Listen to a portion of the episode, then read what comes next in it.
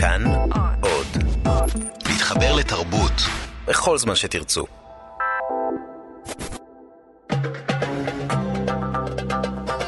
גם כן תרבות.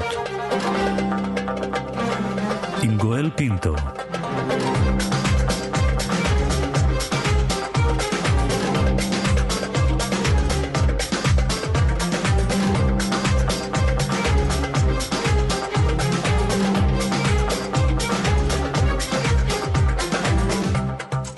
שלום, תודה שבחרתם להאזין לנו. הסכת אה, גם כן תרבות, המיטב מתוך התוכנית היומית שלנו, המשודרת בכל יום ברדיו כאן תרבות, 104.9, 105.3 FM. תהנו. גם כן תרבות, עם גואל פינטו.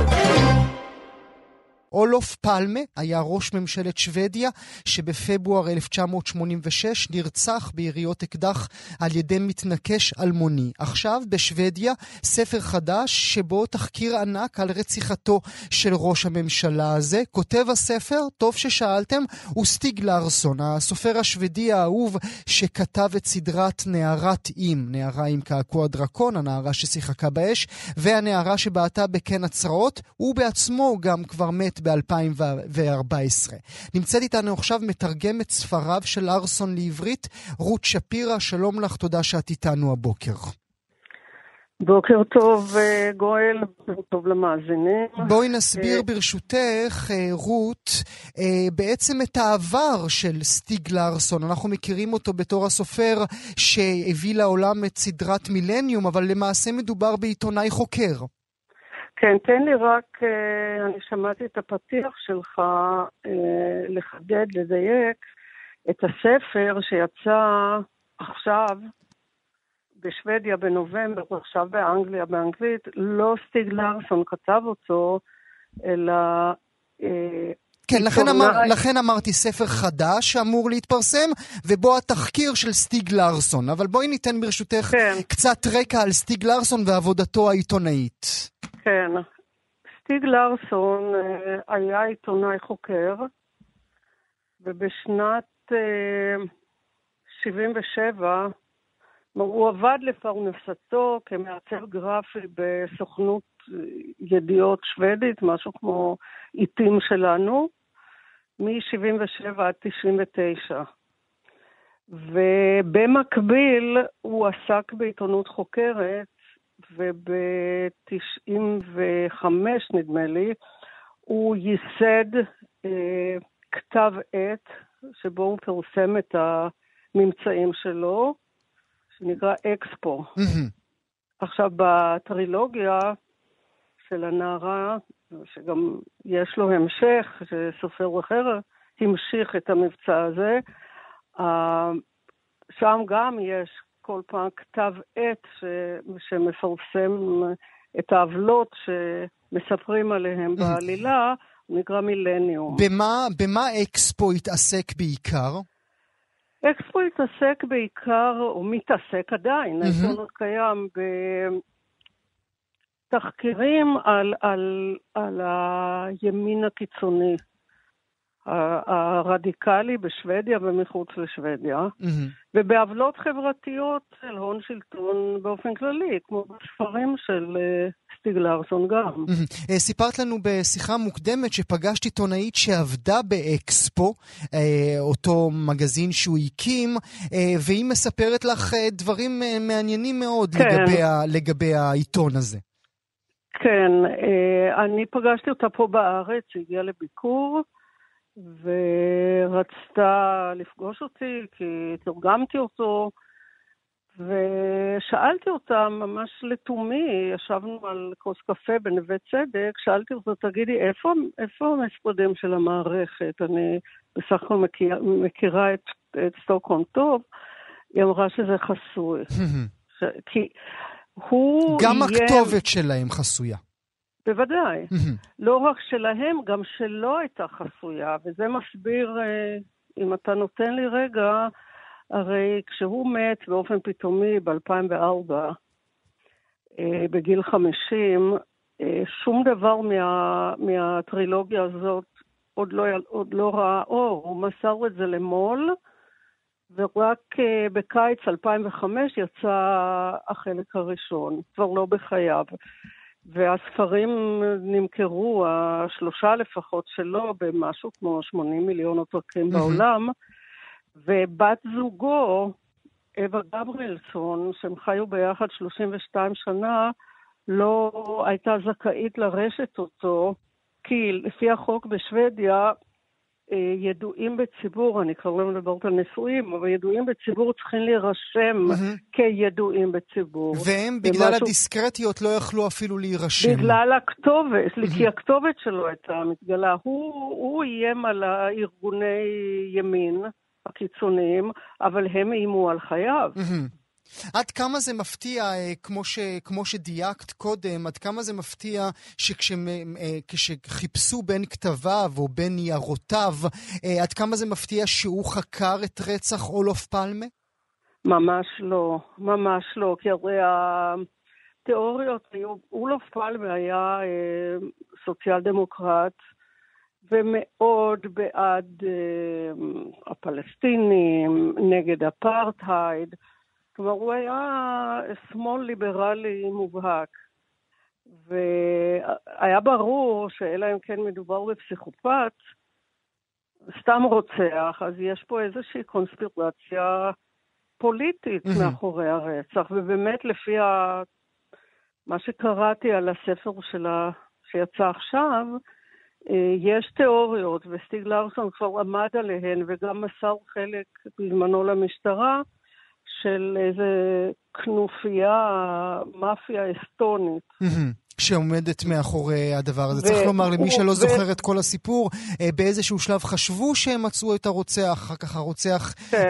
אה, שוחרר, ולמעשה עד היום אנחנו לא יודעים מי רצח ולמה את כן. אותו ראש ממשלה. כן, גם לא רק אסטוניה, גם דרום אפריקאים, mm-hmm. כי פלמה גינה אותם בכל הזדמנות. Uh, בוא, נאמר, בוא נאמר לסיום העבודה הנהדרת שלך על התרגום של ספריו של סטיג לארסון. תודה. בעצם זה התחיל בכך שאת זו שהציעה את זה להוצאות ספרים ישראליות, וכמו כל הסיפורים הטובים, אף אחד לא רצה לקנות את זה. בהתחלה אף אחד לא רצה, כשהיה לי אה, אחרי הספר הראשון, כשיצא, כבר היה כתב יד לתרגום באנגלית, והצעתי פה לכמה הוצאות, זה היה נדמה לי ב-2006. אה, לא, היו כל מיני תגובות פושרות, ארוך מדי, לא מעניין.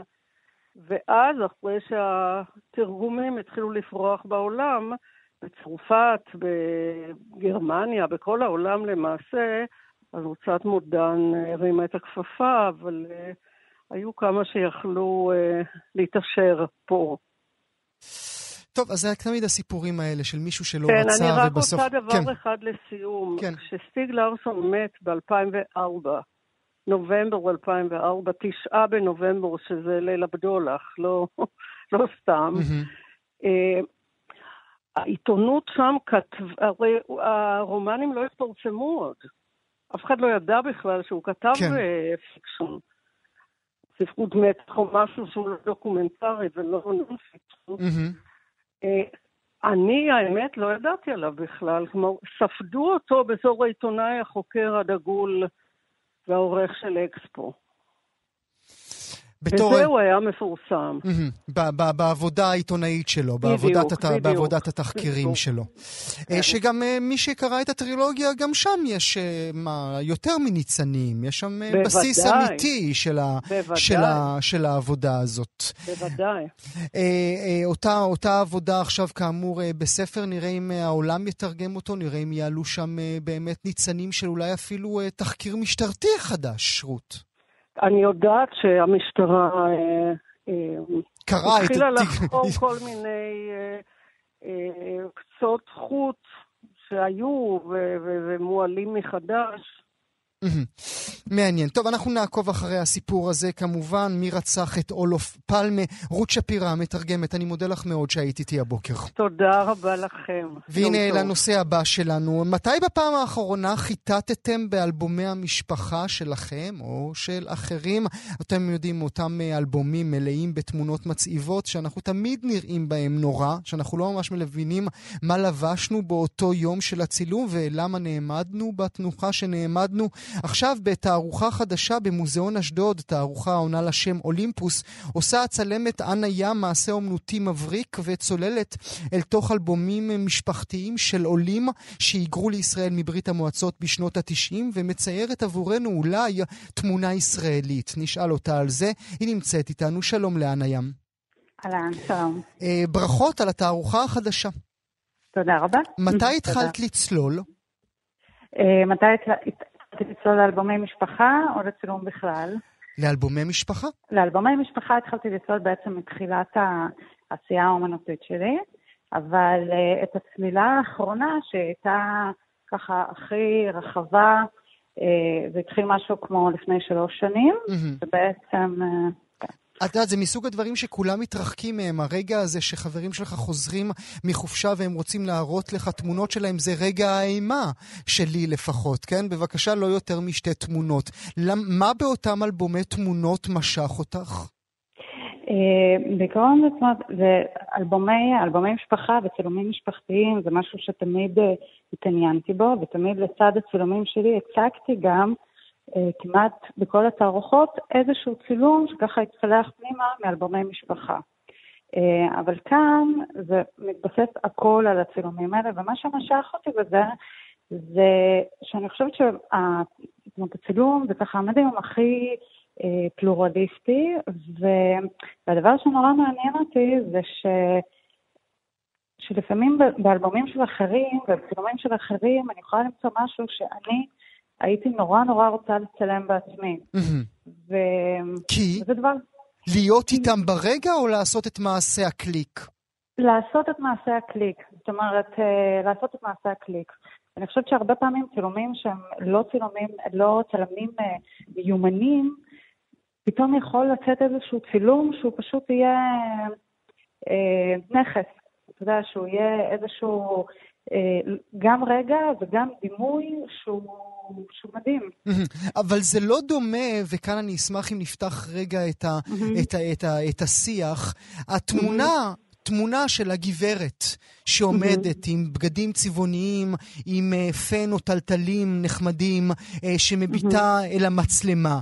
זה באמת שונה אם מאותו רגע היא נחתה מהמטוס מברית המועצות או ממרוקו? אה, אז, אז אני חושבת שמה שמעניין בזה זה שזה שונה ושונה. זאת אומרת, וזה הדבר שאותי מעניין, שאומנם אני, התערוכה באמת בנויה אה, מאלבומים, זאת אומרת, שאלבומים שראיתי ושל מהגרים שהגיעו בשנות ה-90 לפה, אה, כמוני וכמו המשפחה שלי, אבל אה, יחד עם זה, האלבומים מאותם שנים בישראל, הם גם מאוד דומים לאלבומים של, אה, של אחרים, mm-hmm. כמו שאמרת, שזה גם תמונה ישראלית. Mm-hmm. ובמובן הזה אני חושבת שזה ככה הדבר גם מעניין אותי, שזה, זאת אומרת, זה מצד אחד כמובן שזה האנשים האלה ש, שהגיעו, זה העצור הראשון, השנים הראשונות, אבל יחד עם זה, זאת אומרת, גם הניסיון שלי בבחירה, כן, זה לפתוח את זה למשהו הרבה יותר רחב, כן, שמתייחס קודם כל לסוג צילום בשנים מסוימות. אבל, זה, אבל, אבל סוג צילום זה רק אנה ים יודעת מהו סוג צילום. אני כמבקר במוזיאון אשדוד לא אדע את סוג הצילום, תהיה לי רק אותה בחורה או אותה משפחה מול העיניים שלי. אמ, אני לא, לא בטוחה שאני מבינה למה אתה מתכוון, אבל אני חושבת ש... אומרת, כשהתחלתי לאסוף את הצילומים, אז המחשבה הייתה שזה יהיה איזשהו חומר גלם לעבודות שלי. Mm-hmm. ולאט לאט כשהתחלתי לאסוף עוד ועוד, וזה התחיל מהמשפחה שלי, ואז אה, ככה המשפחה המורחבת יותר, ואז חברים, אה, הבנתי שיש משהו בצילומים הבלתי אמצעיים האלה שהם הדבר עצמו. שאני לא צריכה, שאני, רק העריכה שלי והבחירות שלי, הם יהיו המהלך שאני עושה. אה, הם יהיו מעשי האומנות בעצם. בדיוק, כן, בדיוק. ובאמת הצילומים, ש, ש, זאת אומרת, האופן שבו בחרתי, שזה היה מאוד אינטואיטיבי ומאוד, זאת אומרת, באותו רגע, כמובן אחר כך, זאת אומרת, נכנסים כבר, אתה יודע, המחשבות ואיך אני עורכת את זה ומה לצד מה, ומה זה אומר, אבל כש, כש, כשהייתי אצל האנשים בבית, אז אני בעיקר בחרתי צילומים שאני בעצמי הייתי רוצה לצלם. Hmm. ו, וככה, זאת אומרת, ראיתי צילומים, וואי, זה, זה משהו שהוא מזכיר את השפה שלי, שהשפה שגם של הצילום שלי היא מאוד קשורה ונשענת על צילום אה, חובבני. וזה ככה מתחילת הדרך. את אומר, אמרת שפה ואני דמיינתי ספה. אה, גם אולי שפה. גם הספה, גם בהחלט. גם שפה זה דבר נורא חשוב. בטח באלבומי משפחה. בטח עם הספות המזוויעות שהיו לכולנו בבתים. בוודאי, ודרך אגב, אני בדיוק עומדת עכשיו מול אחד הצילומים שיש ספה. לא רואים אותה מרוב האנשים שיושבים עליה בשביל הצילום. מה אמרת לאנשים שנכנסת אליהם הביתה? אה, אז קודם כל התקשרתי ושאלתי אם יש לכם, יש לכם צילומים, וככה מהשנים הראשונות בישראל, ו, וגם, והאמת היא גם התגובות היו שונות, חלק ככה מיד שיתפו פעולה וחלק לא הבינו בכלל מה אני רוצה מהחיים שלהם ומה, וחלק לא הסכימו. אה, וכשבאתי, וכש, ו, וגם כשכבר באתי לאנשים הביתה, נורא עניין אותי לראות איך הדברים האלה, איך ה... איך ההיסטוריה הפרטית של כל משפחה, אה, איך היא משומרת, mm-hmm. כן? האם זה, איך זה ממוין, האם זה קופסה, האם זה אלבומים, האם זה כרונולוגי, האם זה נבנה איזשהו נרטיב מסוים, זה באמת מאוד משתנה. אה, יש אנשים שיש להם שקית דלילה של, של עשרה צילומים, שאני לא ידעתי שזה בכלל אופציה, כי נגיד אצלי במשפחה תמיד היו המון צילומים, ויש כאלה שזה מקוטלג ברמה של, אה, אה, אתה יודע, כל תאריך וכל שעה. אז, וזה גם דבר שנורא נורא עניין אותי לראות, איך, ה, איך הדבר הזה משתנה, מ, אתה יודע, מעורך לעורך. מעניין. זה בעצם איזה סוג של עריכה. מעניין. Uh, תספרי לי לסיום, ברשותך, אנה, mm-hmm. על, על צילום אחד שנורא רצית, אבל לא הרשו לך להוציא מהבית. Uh, mm. האמת היא שאין איזשהו, האמת היא שבסופו של דבר כולם, מי שכבר, אה, הייתה איזה מישהי שמאוד רציתי את הצלמים שלה והיא כבר לא היה לה באיזשהו שלב כוח אליי, אז היא ככה נכנסה אותי. כי גם כשהתחלתי את זה, אז אני לא, כמו שאמרתי לך, לא ידעתי לאן זה ילך. אז פשוט באתי לאנשים הביתה עם מצלמה, וצילמתי, כאילו באתי לצלם, וצילמתי את הצילומים. אז לא היה לי גם את ה... זאת אומרת, אה, לא, זה לא היה ברמה מספקת, והייתי צריכה לחזור ולבקש שוב. אז uh, היו כמה כאלה שכבר נפנפו אותי, אבל... Uh, אבל סך הכל הצילומים ש... שרציתי, אנשים... קיבלת. ש... טוב. כן, כן. באמת מעשה אומנות מרגש, הייתי אומר. אנה ים, במוזיאון אשדוד, אולימפוס, היא שם התערוכה. אני מודה לך מאוד שהיית איתי הבוקר. תודה רבה. ביי. הנושא הבא שלנו, מחאת אומנים אקטיביסטים אתמול אה, נגד מוזיאון הגוגנהיים במהלך סוף השבוע בכלל. הסיבה, משפחת סקלר, אותה משפחה שעל שמה קרוי בית הספר לרפואה באוניברסיטת תל אביב, והיא גם מהתורמים הגדולים של מוזיאון הגוגנהיים. הסיבה הנוספת, משפחת סקלר היא היצרנית הגדולה של האוקסיקודון, משכך הכאבים, הנחשב בשנים האחרונות לרוצח השקט של אמריקה. רק כדי לסבר את האוזן, על פי הנתונים בארצות הברית, משנת 1999 ועד 2016 יותר מ-200 אלף אנשים בארצות הברית מתו מהתמכרות למשככי כאבים. אז את הכסף של מי לוקחים מהמוזיאונים, או את הכסף של מי הם מסרבים לקחת? האם התמיכה באומנות מלבינה כל חטא? שלום לאשת הארץ, נעמה ריבה. בוקר טוב, זו הקדמה ארוכה. אה, הסיפור של משפחת סקלר ומחאת האומנים האקטיביסטים אה, נגדה נדמה כמו סיפור שלא ייגמר בסוף שבוע אחד. אה, תראה, בואו רק נסביר קצת למאזינים, מה שקרה שבאמת בסוף שבוע האחרון, שזה באמת כבר קמפיין מתמשך, הצלמת והפעילה האמריקאית נאן גולדין, שהייתה בעצמה מכורה למשככי כאבים, עשתה איזושהי פעילות מחאה ממש בתוך הגוגל עצמו, יש שם כל מי שהיה שם כמובן מכיר את האטריום המעוגל, יחד עם קבוצה אה, מאוד גדולה של אנשים, זרקה אה, אה, כמו קונפטי כזה של... אה, שמזכיר מרשמי תרופות. של כל אחד מהם כתוב שיימון סקלר. בדיוק. בושו לכם סקלרים.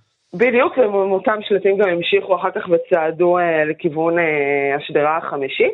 אה, היא באמת ממשיכה את המחאה הזאת כבר הרבה מאוד זמן, אה, זה לא המוזיאון היחיד שהמשפחה אה, אה, תורמת אליו. באחד הרעיונות היא אמרה שהיא לא מבקשת מהמוזיאונים להחזיר את הכסף, אבל היא לא רוצה שהם אה, ייקחו עוד תרומות מהמשפחה.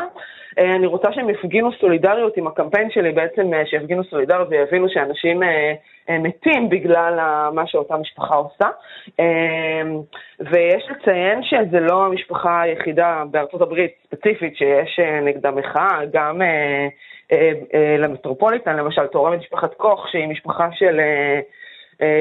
שבין היתר אה, מתעסקת בעסקי נפט, mm-hmm. וגם נגדה הייתה מחאה. והם גם, אה, הם גם מכחישי התחממות גלובלית מאוד אה, קולניים. תורמים, תורמים לכל, בדיוק, תורמים לכל מיני גורמים של, של התחממות גלובלית, וגם נגדם הייתה מחאה. בוא נדבר על סכומים, כי הזכרת את משפחת קוך, נ, נזכיר סכומים עבור המאזינות והמאזינים. כשאנחנו מדברים על תורמים, לא מדברים על לירה או שתיים, כן? לא, אנחנו לא מדברים על עשרות מיליארדים משפחת קוך נתנה למטרופוליטן מוזיאום 65 מיליון דולר. זאת אומרת, זה, זה אנשים שכשהם נותנים כסף, הם נותנים הרבה מאוד כסף. ועכשיו השאלה שאנחנו מניחים על השולחן, האם המוזיאונים האלה בעינייך צריכים להגיד לאנשים האלה, לא, אנחנו לא רוצים טוב, את הכסף יש שלכם. כאן, יש כאן, זה נושא אגב שנראה לי גם אפילו אני ואתה כבר דנו בו, יש כאן, אה, ככה, למוזיאונים או למוסדות תרבות בכלל, יש אה, שלוש אפשרויות. או שהם יקבלו אה, כסף אה, מהממשלה או מהרשויות, בסדר? אה, שאני מניחה שה... אני לא מכירה לחלוטין את מבנה התקציב של המוסדות האמריקאים, אבל אני מניחה שהם, אה, ספציפית המוסדות בניו יורק, לדעתי, אם כבר מקבלים כסף ממישהו זה מעיריית אה, ניו יורק ולא יותר מדי מהממשל. אבל זה לא כסף פדרלי, זה בעיקר כספים של כן. תרומות פרטיות, כן. בדיוק, הם מקבלים, הם חיים בעיקר, זה, אז או ש... בואו נדבר שנייה על מוזיאונים באופן כללי, גם בישראל, אוקיי, אז הם יכולים או לקבל כסף אה, ממשלתי או עירוני, או שהם מקבלים כסף מתרומות, שבו נגיד, נגיד גם מוזיאון ישראל למשל, אה, בערך חצי מהפעילות שלו מאומנת מתרומות, אוקיי? או שהם יקבלו כסף מהציבור, כלומר מהכרטיסים ומהאנשים וכולי. אז ככה, אז הציבור לא נותן מספיק כסף, כי הוא בא וקונה כרטיס וזהו. Uh, והממשלה, אנחנו בימים אלו רואים, לא בישראל ולא בארצות הברית, שאנחנו לא בטוחים שאנחנו רוצים שהיא זאת שתתמוך בנו. Uh, ואז נשארנו עם התרומות. ואז השאלה, נכון, הגור, הגופים האלה, המשפחות האלה שאנחנו מדברים עליהן, זה, זה מדובר במשהו קיצוני יחסית. אמ, אבל אולי כאן, מה, אתה מנהל מוזיאון ואתה עכשיו הולך לקבל 50 מיליון דולר תרומה, מה אתה עושה? Mm-hmm. אתה אומר לא לתרומה הזאת? Mm-hmm. אמ, אני רוצה רגע, בשביל המאזינות והמאזינים שלנו, אמ, שישמעו מילה, אה, כמה מילים, אמ, של גיא רולניק, איש דה מרקר, בריאיון שהוא קיים עם קרן נויבך, על אותה משפחה, משפחת סקלר, ובעצם ההשפעה של התרופות לכאורה, של משככי הכאבים, שהם מייצרים על הציבור האמריקאי. בבקשה. החברה יודעת שהתרופה הרבה יותר ממכרת ממה שהיא אומרת לאנשים, ממה שהיא מפרסמת. החברה יודעת שהיא דוחפת את התרופות באופן אגרסיבי. והחברה גם יודעת שאנשים מתים. והחברה יודעת שאנשים החברה מתים. יודעת שאנשים... ועדיין היא כן, ממשיכה. יש, אה, נכון, יש איזה ציטוט שעכשיו באחת התביעות שהוגשה במסצ'וסט, שממש בימים האחרונים נחשפים עוד ועוד אה, אימיילים פנימיים וכן הלאה.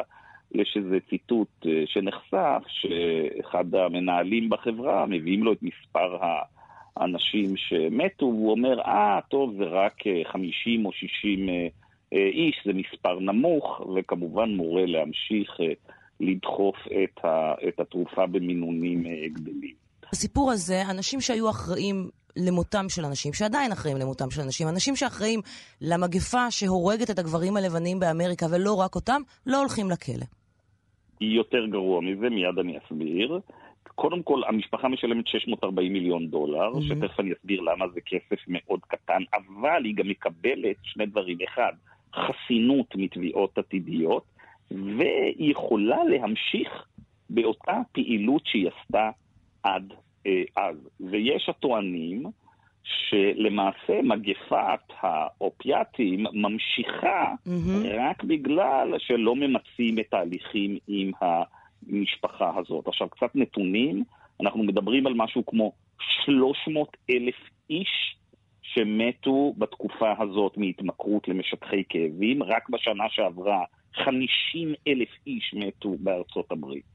עכשיו לצד של המשפחה, אמרנו קנס של 600 מיליון דולר.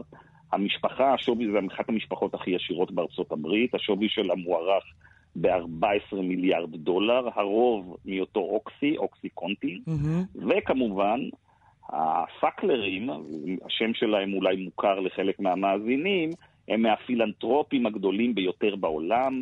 50 אלף, 50 אה, אלף מתים בשנה האחרונה. אה, אה, אני רוצה להגיד עכשיו, פה כן. רגע שני, אני רוצה להגיד פה שני דברים. דבר ראשון, אין ספק שהמשפחות האלה שתורמות כסף, ובוא, היא לא המשפחה היחידה שתורמת כסף, הן הרבה פעמים עושות את זה כדי, אתה יודע, לכפר במרכאות על, כן, קוראים לזה, ב, קוראים לזה, בתחום הזה קוראים לזה ה-white washing. כן, להלבין, בדיוק. כן, הם מנסים בעצם להלבין את המעשים שלהם, הם לא המשפחה היחידה והם לא האחרונה. אז אנחנו באמת צריכים לחשוב, אז מי, מי, מי מממן את המוסדות במקומם? ובואו רגע נבוא, נ, נ, נלך אלינו לישראל, ב-2005, אה, מישהו אולי צעיר לא זוכר, אבל זה היה סיפור מאוד מפורסם, סמי עופר אה, היה צריך לתרום, תכנן לתרום כספים למוזיאון תל אביב, שבדיוק באותם ימים רצה לבנות אגף חדש, אה, והוא רצה שכל המוזיאון יהיה על שמו. אה, וקמה מחאה מאוד גדולה, גם במועצת אה, אה, עיריית תל אביב.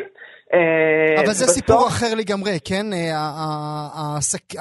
המחאה נגד התרומה של משפחת עופר לא נגעה לעסקים של משפחת עופר, אלא לדרישה שהוא יקבל את השם. נכון, נכון, אבל כן, כן, נכון, אבל כן, כאילו, בגלל הדרישה המאוד מופרכת שלו, זה כן עורר גם כל מיני... אה, אמנים נגד ה... נגד... כי תראה, כי כן יש לנו לא מעט מוסדות על שם אה, סמי עופר, mm-hmm. גם uh, בניין הלב לא רחוק, וגם איצטדיון uh, uh, סמי עופר בחיפה, כלומר יש לנו לא מעט, ויש גם עוד, uh, עוד בניין גם ברמב"ם, כלומר יש לנו מקומות שהם על שמו. אז כן, אה, כנראה, כן אנשים מסוימים בעולם האומנות אמרו, מה, למה שהמוזיאון יהיה על שם, אה, זה קצת אה, קיצוני מדי. Mm-hmm, mm-hmm. אה, עכשיו, ושוב אני אשאל אותך, אז מה, מה אתה רוצה שהמוסדות, אני, אגב, זו שאלה שלקח לי הרבה שנים לשאול אותה כבר בהתחלה, אם היינו מדברים את השיחה הזאת לפני כמה שנים, אה, ואני מאוד אה, כמובן מתחברת לרונליק, וזו משפחה שגורמת אה, למוות מזעזע, ויכול להיות שבאמת המוזיאון, למרות שזה מוזיאונים אמריקאים, ואני לא יודעת כמה הם מסוגלים להגיד לא לכסף, כי הם באמת חיים רק מזה ואין להם שום אלטרנטיבה. אבל, אה, אבל שוב, איך אתה מקים את ה... וזה לא רק בתרבות, זה גם ברפואה ובאקדמיה, באקדמיה גם כן יש לך תורמים אה, אה, מפוקפקים ושמעוררים אה, לא מעט שאלות, כאילו מה, איך אתה מקיים את המוסדות האלה, את המקומות האלה, שלא מקבלים מספיק תמיכה ממשלתית, ועוד יש לך בעיה בשנים האחרונות, גם בישראל וגם בארצות הברית, של מעורבות של ממשל שאתה לא בהכרח רוצה אותו. אז יכול להיות, דיברתי, יצא לי לדבר עם לא מעט אנשים מעולם האומנות על זה, ואמרו לי, לא כזה מפריע לי שהשם של אותו אה, בעל הון מופיע, כל עוד הוא לא מתערב לי אה, ביצירה. וזו באמת השאלה הנוספת פה, האם אותם בעלי הון אה, מתערבים ביצירה, או שהם רק רוצים שהשם שלהם אה, יהיה כתוב איפשהו על בניין. כן, אבל במידה, צריכים, כן. צריכים לומר אולי אה, לסיום, אה, נעמה, שעל ידי זה ששמים את השמות של האנשים האלה על אגפים ועל מוזיאונים, אנחנו בעצם משכתבים את ההיסטוריה. כי בעוד מאה שנים כל מה שיישאר זה האגף של משפחת סקלר בגוגנהיים, והאגף כן. של משפחת קוך ב, ב, במטרופוליטן, וזה הדבר ברור. היחיד שיזכרו, לא יזכרו את כל העוולות שקרו במהלך הדרך וכל עשרות אלפי האנשים שמתו. נכון, ברור. ו- ושוב, אולי בהזדמנות זו, כן, אה, הציבור צריך להבין שהוא גם כן חלק מהמימון של אותם מוסדות תרבות, אחרת, אחרת הם הולכים ל- לכיוונים הלא כן. טובים האלה. אה, נעמה ריבה, אשת הארץ, אני מודה לך מאוד על הדיון הזה. תודה רבה לך שהיית איתי הבוקר. נתן פרס נובל לספרות, אלכסנדר סולז'ניצין, האיש שבספריו, כמו ביום אחד בחיי איוון דניסוביץ', עולה תמונה של התעללות נפשית גופנית של מערכת הכלייה ועבודות הכפייה של המשטר הקומוניסטי ששלט בארצו. היום, לפני 45 שנה, בעקבות אה, שהקג"ב מוצא את החלק הראשון בכתב היד של טרילוגיית הארכיפלג גולאג הוגלה מארצו. נדבר עליו, נדבר על ההשפעה שלו, על כל הצעקה שהקים, ובאמת על העובדה שהוא שינה אולי את ההיסטוריה כולה. נעשה זאת עם הפרופסור ליאונה טוקר, מרצה לספרות באוניברסיטה העברית. שלום לך, תודה שאת איתנו. שלום. נתחיל אולי מהסוף. האם הוא באמת שינה את ההיסטוריה? אפשר לתת עליו את הכותרת הזו? בהרבה מובנים כן. הוא שינה קודם כל את ההיסטוריה של הספרות, כי הוא הכניס את הנושא של גולאג כנושא לגיטימי לעיבוד ספרותי, והוא גם שינה את התודעה בכל העולם. איך הוא אה, הצליח, איך הוא הצליח, למרות התקופה בה הוא חי ולמרות התקופה בה הוא יצר, להוציא את היצירות שלו, את העדויות הכל כך קשות האלה, אל מחוץ למדינה? הוא, היה קונספירטור לא קטן. Hmm. אה, הוא למד מניסיון של אחרים, ובעיקר אה, הייתה לו שיטה לצלם את היצירות על מיקרופילמים ולשלוח בכל מיני דרכים, והיו לו לא מעט, הוא גם כתב ספר על זה, Invisible Allies, על כל האנשים שעזרו לו להוציא את הספרים שלו לחוץ לארץ, והם סיכנו את עצמם כשהם עשו את זה, אבל זה הצליח. הוא גם ידע לשמור את היצירות שלו בהרבה עותקים בכל מיני מקומות. איך זה בכלל פורסם שם במדינה? איך הם אפשרו את הפרסום של הכתבים? הוא תפס רגע מתאים. זה היה אחרי אה, ועידה ה-20 ושתיים של המפלגה הקומוניסטית, שבה חרושוב אה, עשה את הדסטליניזציה הפומבית שלו, הוא mm-hmm. התחיל ב-56, אבל זה היה עדיין אה, נאום סודי, כמו שנקרא הוא הודלף דווקא דרך שגרירות אה, ישראלית. הוא הודלף קודם כל לארץ. אבל ב-61 אה, חרושוב דיבר על הפשעים של סטלין בגלוי. לא על כולם, אבל על אלה שהיה אכפת לו. ולסולז'ניצין כבר היה חומר מוכן, כי הוא כתב כל הזמן אחרי שהשתחרר מהמחנות. Mm-hmm. והוא חשב שזה הרגע הנכון, והיו לו חברים שהביאו את היצירה שלו, שהפכה ליום אחד בחיים של איוון דניסוביץ', לכתב עת נכון, לשולחן של עורכת נכונה, ואז זה עבר חודשים של תלאות, הגיע לחרושוב עצמו. Mm, עד אליו. עד אליו זה הגיע. וזה עזר מאוד שהגיבור הראשי הוא אה, חקלאי עיקר, כי גם חרושוב הוא היה בן חקלאים, בן של, בן של איכרים, זה, זה קסם לו. ובצורה הזאת, רגע נכון, חברים נכונים, קונסטלציה נכונה, זה יצא, וזה עשה הלם בכל העולם. זה עשה הלם בכל העולם וגם במדינה עצמה? הכי הרבה במדינה עצמה. כי במערב כבר היו יוצאים כל מיני דברים, כל מיני סיפורים, כל מיני עדויות. העובדה שהספר הזה הסיפור הארוך הזה יצא בברית המועצות, זה היה החידוש הגדול. וזה עשה גם את הנושא נגיש למיליונים של אנשים בברית המועצות עצמה. ואז קראו את זה, והג'ורנל הזה עבר מיד ליד, וקראו את זה, ואנשים שקראו דמיינו את עצמם בתוך המחנות. היו אנשים שפשוט דמיינו, כל היום שלהם היה כאילו הם במחנות. Mm-hmm.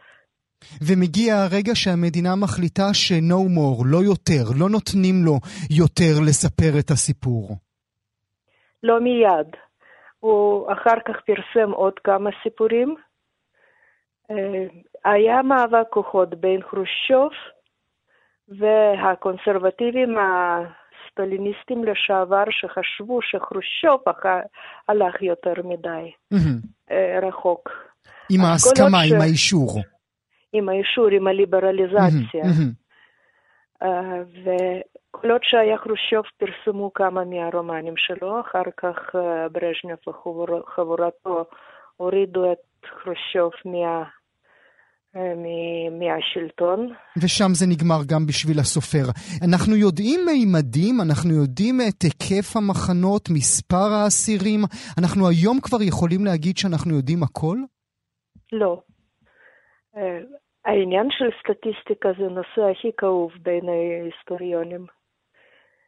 כי לפני שנפתחו הארכיונים אחרי המהפכה הרוסית השנייה, דעה שבמחנות בזמנים הגרועים היו עד 15 מיליון אנשים, ויצאו גם ספרי זיכרונות, למשל, לאחד קוראים אחד מ-15 המיליון.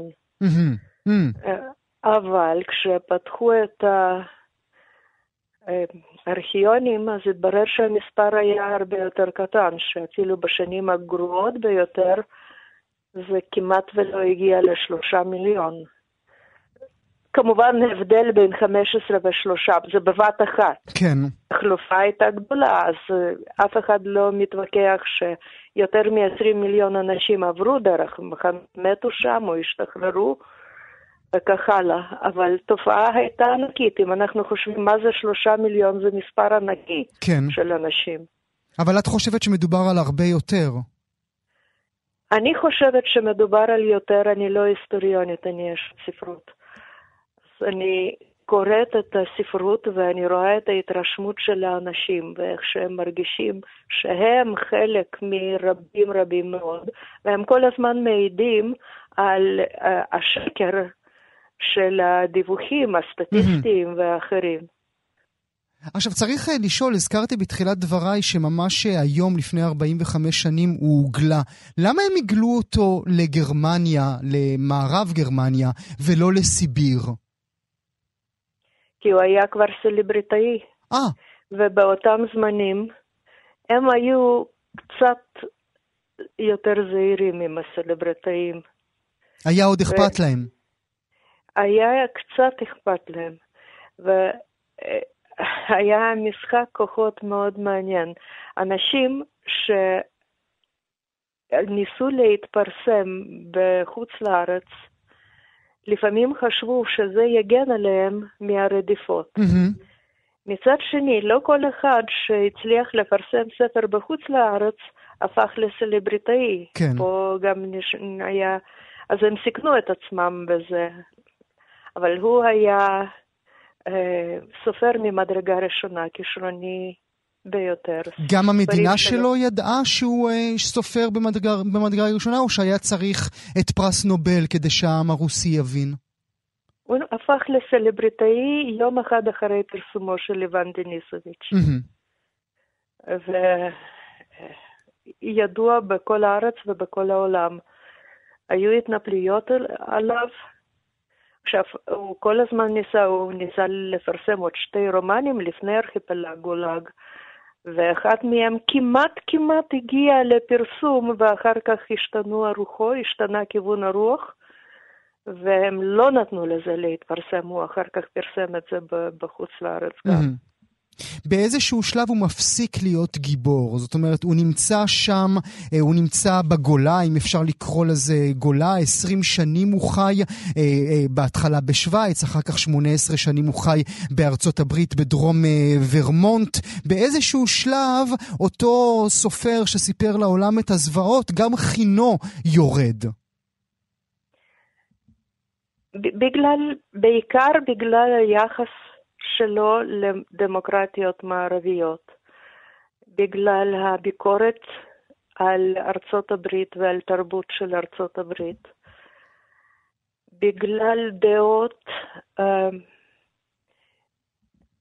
אולי יש בדעות האלה טיפה של צדק, אבל אה, הן בכל זאת קצת מקוממות. למשל, הוא חשב ש... ברית המועצות, בעיקר הוא דיבר על רוסיה, לא ברית המועצות, לא יכולה להפוך דמ, דמוקרטית תוך יום. Mm-hmm. קודם צריך משטר אוטוריטרי, mm-hmm. ורק אחר כך, אחרי הרבה זמן, אפשר יהיה ליצור שם דמוקרטיה. זה מה שקרה דרך אגב. כן. יש משטר אוטוריטרי ששואף לדברים יותר גרועים כרגע. היו גם בשנים האחרונות שלא כמה נימות אנטישמיות.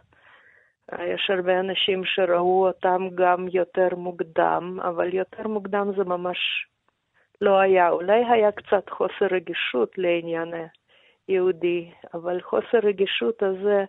את עדינה. במקום... את עדינה. מה? את עדינה, פרופסור טוקר. אה, חוסר כן, רגישות. חוסר רגישות. חוסר רגישות, חוסר הבחנה בין זכות הדיבור וקריאה לאלימות, שזה בעניינים של אה, יחס ליהודים תמיד אה, משחק תפקיד חשוב. עכשיו, בדרך כלל אנשים עם הגיל משתכללים. ו- ונהיים יותר רגישים, יותר, יותר עדינים. אצל סולז'ניצין משהו, מה, ש, מה שקרה זה היה הפוך. להפך. הפוך. הפוך. הוא, הוא איבד את החלק של העדינות ורגישות. אולי נשאל לסיום, אה, מה הוא השאיר אחריו? מה אנחנו, מה ההיסטוריה, מה התרבות זוכרת ממנו? הוא השאיר יצירות שנותנות לקוראים גם חוויה ספרותית גרדה וגם אה, יכולת לדמיין מה זה לחיות במחנות, למרות, להיות אסיר במחנות. אה, למרות שהמחנות שהוא מציג אותם הם הסוג הקל יותר, mm-hmm. היו הרבה יותר גרועים, אבל אה, בכל זאת אה, גם את הקלים יותר קשה לדמיין בתור חוויה. אז הוא עשה את זה. חוץ מזה, הספר שבגללו הוא הוגלה, ארכיפלג גולג, הוא ספר מאוד שיטתי.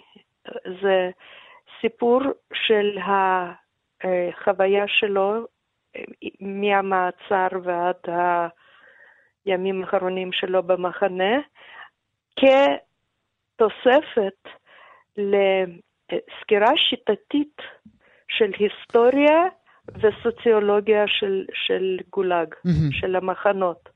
זאת אומרת, הוא מתאר שלב בחיים של כל אסיר, מעצר או חקירה או הגליה או ימים ראשונים במחנה. הוא עושה סקירה על סמך הרבה מאוד עדויות, הוא אסף יותר מ-200 עדויות של אנשים. ואחרי שהוא מסדר את האינפורמציה הזאת, הוא נותן את הסיפור האישי שלו. Mm-hmm. אז זו קריאה אה, מעניינת. מאוד מעניינת. כן, מאוד. כן. אז הרבה לא... אנשים התווכחו עם כל מיני פרטים, כמובן, יש הרבה טעויות mm-hmm. בפרטים, כיוון שלא היה, לא הייתה לו גישה לארכיונים. אבל לפחות את זה הוא השאיר אחריו, ואנחנו מציינים 45 אה, שנים להגלייתו של הסופר החשוב הזה, נאמר שהוא מת ב-2008.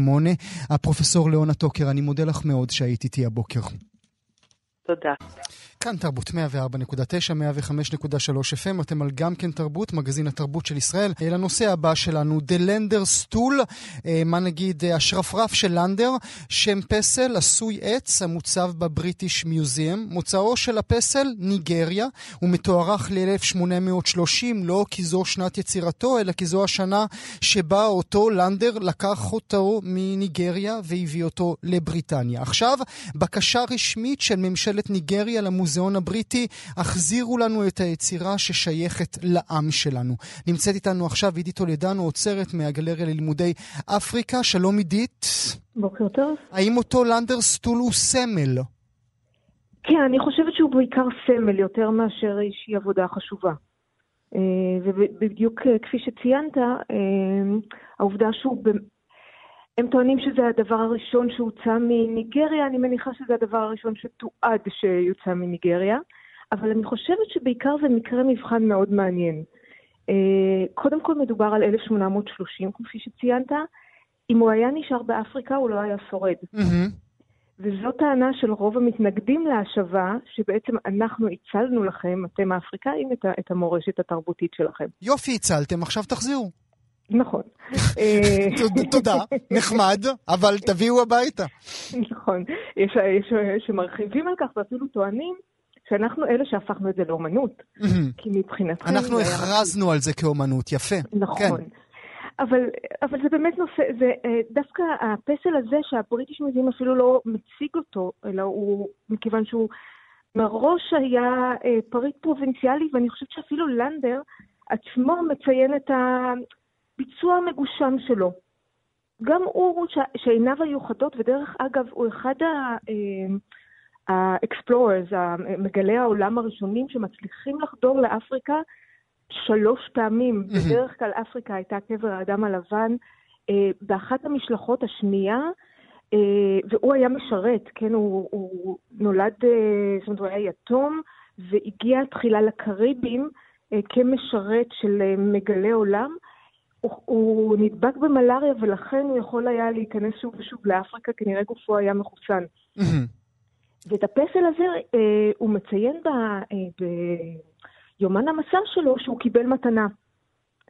ואני חושבת שזה הופך את כל שאלת השבת החפצים לבאמת יותר, מראה עד כמה היא מסובכת. כן, אנחנו, אני, אני ראיינתי כאן בתוכנית לפני כשבועיים, אני לא זוכר, תזכיר לי אסתי, שבועיים, שלושה כזה, את מנהל הבריטיש מיוזיאם, שבו הוא בעצם דיבר במונחים, כיוון שאנחנו יודעים שכל מוזיאוני העולם נמצאים עכשיו איזשהו שיח שנוגע להשבת יצירות אל המקור שלהם, אל מדינות המקור שלהם, והטענה שלו הייתה קטגורית, אנחנו לא נחזיר, אנחנו אמנם נבדוק כל יצירה, האם היא נלקחה, האם היא נקנתה, האם היא נגנבה, אבל באופן קטגורי לא נחזיר את היצירות למדינות שלהם.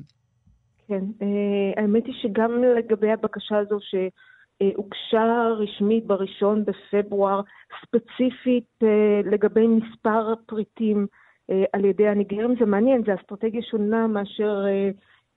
לדוגמה בבנין או בסנגל, שאמרו תחזירו הכל, mm-hmm. הניגרים אומרים אנחנו רוצים את זה, את זה ואת זה, מכיוון שהם חשובים לנו מסיבות אלו ואלו.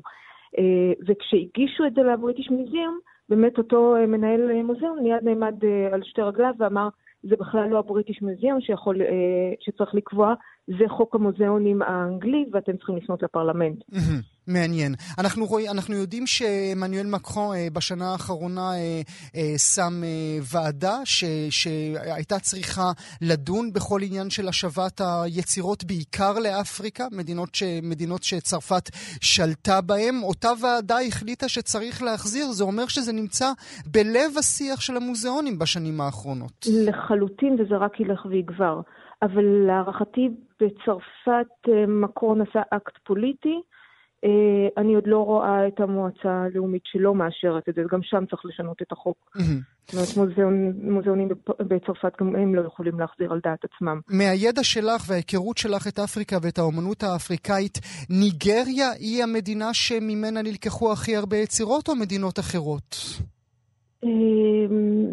וואו, קשה לקבוע, ניגריה בהחלט אחת ה...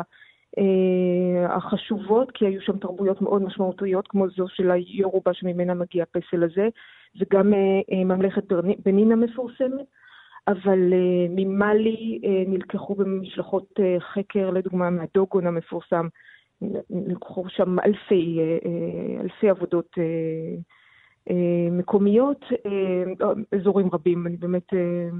לא חושבת שאפשר להגיד מאיזה אזור נלקח יותר, וזה בתקופות שונות. Mm-hmm. זאת אומרת, חלק נעשו באמת מאותן משלחות חקר בתחילת המאה ה-20. חלק נעשו כבר תחת השלטון המקו... העצמאי. כן. שהמדינות היו חלק מפשיטות ואיקונוקולזם ברגע שהם קיבלו את האסלאם, לדוגמה. ואנחנו יודעים היום לומר שמדינות אפריקה הן במרכז הבעיה הנוגעת לעניין הזה. כרגע כן, למרות שאנחנו כבר מתחילים לשמוע ממקומות אחרים. שמענו מאיי הפסחא את הבקשה, וקמבודיה כבר מבקשת פריטים בחזרה. כמובן שהמצרים והיוונים כבר שנים... דורשים ולא מצליח להם. כן. אם היית צריכה, נחבר עוד נקודה אחת לשיח הזה שלנו, וזה המוזיאון הגדול שעומד להיפתח בניגריה. הם בעצם דורשים את כל היצירות האלה כדי לשים אותם במוזיאון הלאומי שלהם. נכון, ובמקרה הזה זה, זה מוזיאון שמוקם אה, במימון אה, טוטאלי של הממשלה הניגרית, שזה מאוד מעניין, שזה לא מישהו אחר ש... מממן כמו במקרה של סנגל, שזה הסינים. Mm-hmm. והבריטיש מוזיאום שותף בהכנת הקרקע, זאת אומרת, יש... אה, כן. אה, זה בהחלט...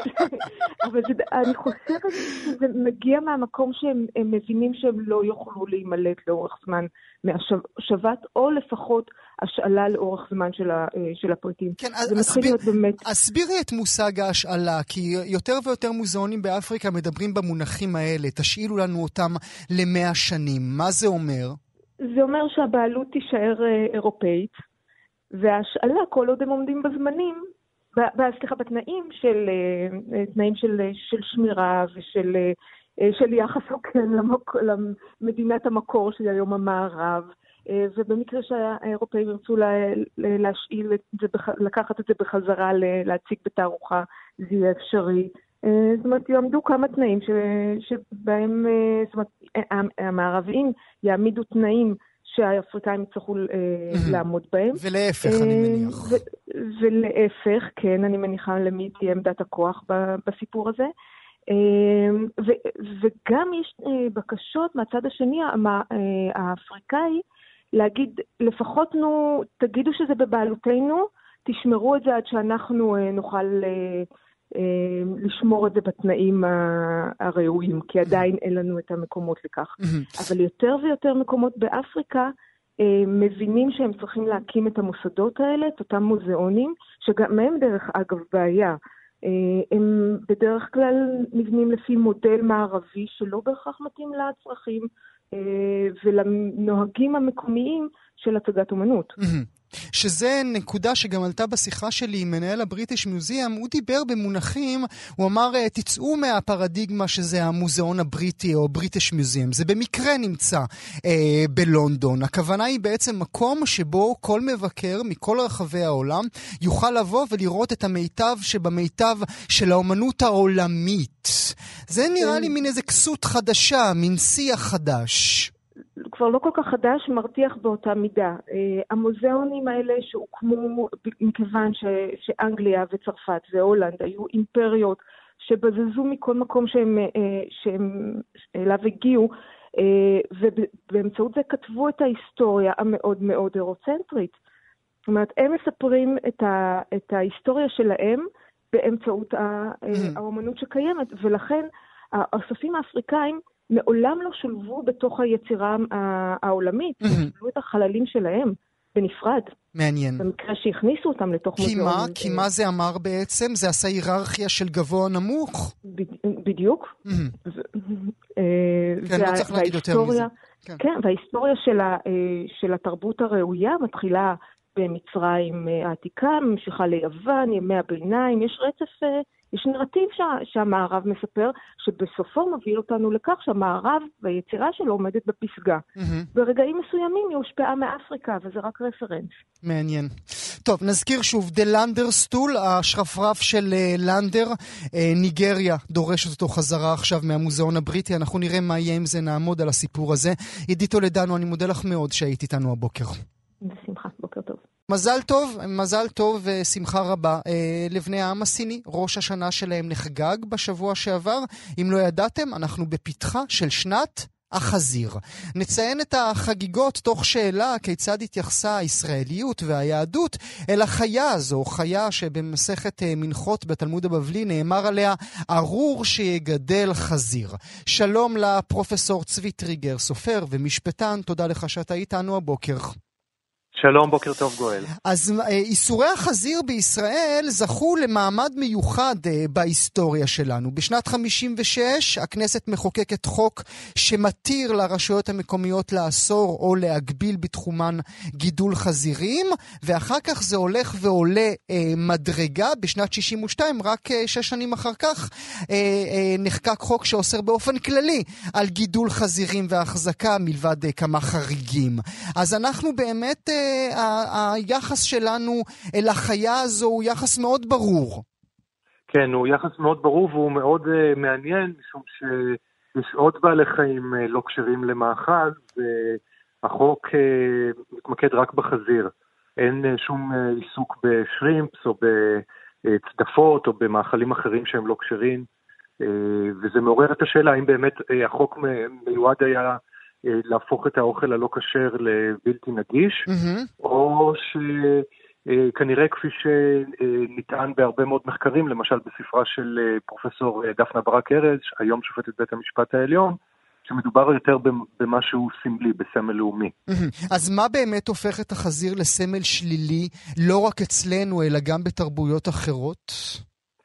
החזיר אה, אה, זכה להאנשה, באלף, אה, של, ולהשלכה עליו של כל, של כל מיני תכונות אנושיות שליליות, כמו למשל תאווה, בוגדנות, חמדנות, אנחנו מדברים על קפיטליזם חזירי, או בכלל על חזירויות, לכלוך, התפלשות ב... זה דבר מאוד מעניין, שלמשל גם בתרבות ה... הנוצרית, החזיר נתפס כחיה מלוכלכת, אבל הוא עדיין חיה מותרת במאכל. אני חושב שבתרבות העברית, אחת הסיבות כנראה לכך שהחזיר הוא מתייחד ביחס לחיות לא כשרות אחרות, או אפילו חיות שהן כשרות שלא נשחטו בצורה כשרה, זאת שאלת הגבורה והמוות על קידוש השם, רוב או כל האגדות או המיתוסים או הסיפורים שאנחנו גדלים עליהם על מוות על קידוש השם, קשורים לסירוב של יהודי לאכול בשר חזיר. אנחנו מכירים את חנה ושבעת בניה, את, את הסיפורים על אנטיוכוס, המתייוונים, החשמונאים, בכולם מאיימים על יהודי או שתאכל חזיר או שתמות, ולא או שתאכל שרימפ או קלמרי או שתמות. מעניין. אה, אני מחייך כשאני שומע את דבריך, כי אה, כאשר מתבוננים אה, בלוח השנה הסיני, אז נאמר שם שמי שנולד בשנת החזיר הוא בדיוק ההפך מכל מה שאמרת. הוא איש ענב שיהיו לו גם הרבה מאוד חברים. זאת אומרת, התפיסה גם היא שונה לגבי החיה עצמה. נכון, נכון, וזה דרך אגב לא ייחודי רק לתרבות הסינית. גם בספרות אתה יכול למצוא דוגמאות של אה, אימוץ החזיר דווקא כאלטרנטיבה חיובית לאנושיות. אתה, למשל... הולך, אתה הולך להגיד מיספיגי? כי אם כן, אני אוהב אותך מאוד עכשיו. לא חשבתי על מיספיגי, אבל uh, בהחלט, זה, אני אצרף אותה ל, לרשימת הדוגמאות שלי, אבל אני חשבתי דווקא על uh, נובלה קטנה שהתפרסמה בשנות ה-90 בצרפת ותורגמה גם לעברית, שנקראת חזירויות, ש, שכתבה אותה מרי דרייסק. אמ, וזה מין וריאציה על סיפור ה... סיפורי גלגול. אה, אנחנו מכירים את הגלגול של קפקא, של, אה, של גרגור סמסה שהופך לחרק, אבל אה, פה הגיבורה הופכת לחזירה בהדרגה, בחזירויות, ובהתחלה היא לא כל כך מבינה מה קורה לה, אבל ככל שהיא מאמצת את הזהות החדשה שלה, היא מגלה שזאת אלטרנטיבה הרבה יותר שפויה והרבה יותר תרבותית לחיים האנושיים. אה, החזירים, החזירויות הן, הן של, של בני אדם ולא של החזירים, mm-hmm. ובניגוד לגרגור סמסה היא יכולה גם לבחור אם אה, לחזור להיות אה, אישה או לא, והיא בוחרת להישאר חזירה בסוף. אוקיי, זו גם, זו גם בחירה. אבל אנחנו אצלנו שואבים את הכל מהיהדות בעצם, כי כאשר מסתכלים, אה, שוחחתי אה, שיחה אה, מעניינת לפני מספר אה, שבועות אה, אה, עם הפרופסור שביט, שדיברה על ספרי ילדים מתקופת כן. עבר, שתורגמו לעברית בכל פעם שהיה מופיע חזיר כחיית ילדים, כן? כי בתרבות הנוצרית נכון. זה בסדר, אז החליפו את החיה כאשר תרגמו את הספר לעברית. כן, וזה חלק מסדרה של אה, מיתוסים מכוננים או, או מסורות מכוננות שאני אה, חושב שחלק, אני רואה למשל גם את המונופול, על, אה, המונופול הדתי על נישואים וגירושים, שדיברנו עליו בשבוע שעבר, בהקשר של ז'קלין כהנוב, כחלק מאותה, מאותו, מאותם, אותה רשימה של מכשירים שהציונות אה, הסוציאליסטית בתקופת הקמת המדינה ראתה אותם כהכרחיים לצורך אה, איחוד של אה, קהילות של יהודים מארצות ערב, מאירופה, שלא היה להן הרבה מן המשותף בהיבטים תרבותיים אחרים, אבל בעניין של החזיר, כולם... בעניין של אה, נישואים וגירושים, כולם יכלו להתאחד סביב הדבר סביב הזה. סביב הדבר הזה, מעניין עד מאוד. אני לא יודע איך אומרים אה, שנה, שנה חדשה, שמחה בסינית, אז דמיין שאני מברך אותך עכשיו בסינית. תודה, תודה, ואני משיב ברכה גם. הפרופסור צבי טריגר, אני מודה לך מאוד שהיית איתי הבוקר. תודה רבה, גואל. להתראות.